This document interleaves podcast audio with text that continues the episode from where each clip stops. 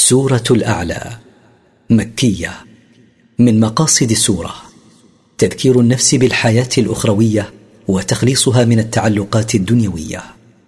التفسير سبح اسم ربك الأعلى. نزه ربك الذي علا على خلقه ناطقا باسمه عند ذكرك إياه وتعظيمك له. الذي خلق فسوى. الذي خلق الإنسان سويا وعدل قامته.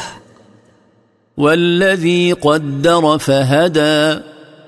والذي قدر الخلائق أجناسها وأنواعها وصفاتها وهدى كل مخلوق إلى ما يناسبه ويوائمه. والذي أخرج المرعى. والذي أخرج من الأرض ما ترعاه دوابكم. فجعله غثاء. أحوى. فصيره هشيما يابسا مائلا للسواد بعد أن كان أخضر غضا. سنقرئك فلا تنسى. سنقرئك أيها الرسول القرآن ونجمعه في صدرك ولن تنساه. فلا تسابق جبريل في القراءة كما كنت تفعل حرصا على الا تنساه. إلا ما شاء الله. إنه يعلم الجهر وما يخفى. إلا ما شاء الله أن تنساه منه لحكمة. إنه سبحانه يعلم ما يعلن وما يخفى. لا يخفى عليه شيء من ذلك. ونيسرك لليسرى. ونهون عليك العمل بما يرضي الله من الأعمال التي تدخل الجنة. فذكر إن نفعت الذكرى. فعظ الناس بما نوحيه إليك من القرآن وذكرهم ما دامت الذكرى مسموعة. سيذكر من يخشى. سيتعظ بمواعظك من يخاف الله لأنه الذي ينتفع بالموعظة. ويتجنبها الأشقى. ويبتعد عن الموعظة وينفر منها الكافر لأنه أشد الناس شقاء في الآخرة لدخوله في النار.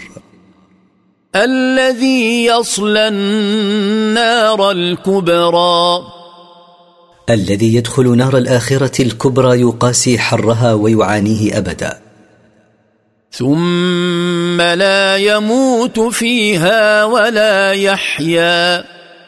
ثم يخلد في النار بحيث لا يموت فيها فيستريح مما يقاسيه من العذاب ولا يحيا حياة طيبة كريمة.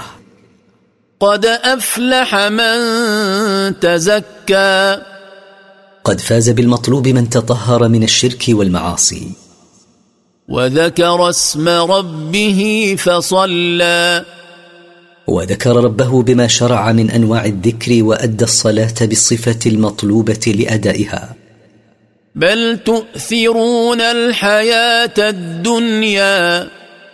بل تقدمون الحياة الدنيا وتفضلونها على الآخرة على ما بينهما من تفاوت عظيم. والآخرة خير وأبقى. وللآخرة خير وأفضل من الدنيا وما فيها من متع ولذات وأدوم لأن ما فيها من نعيم لا ينقطع أبدا.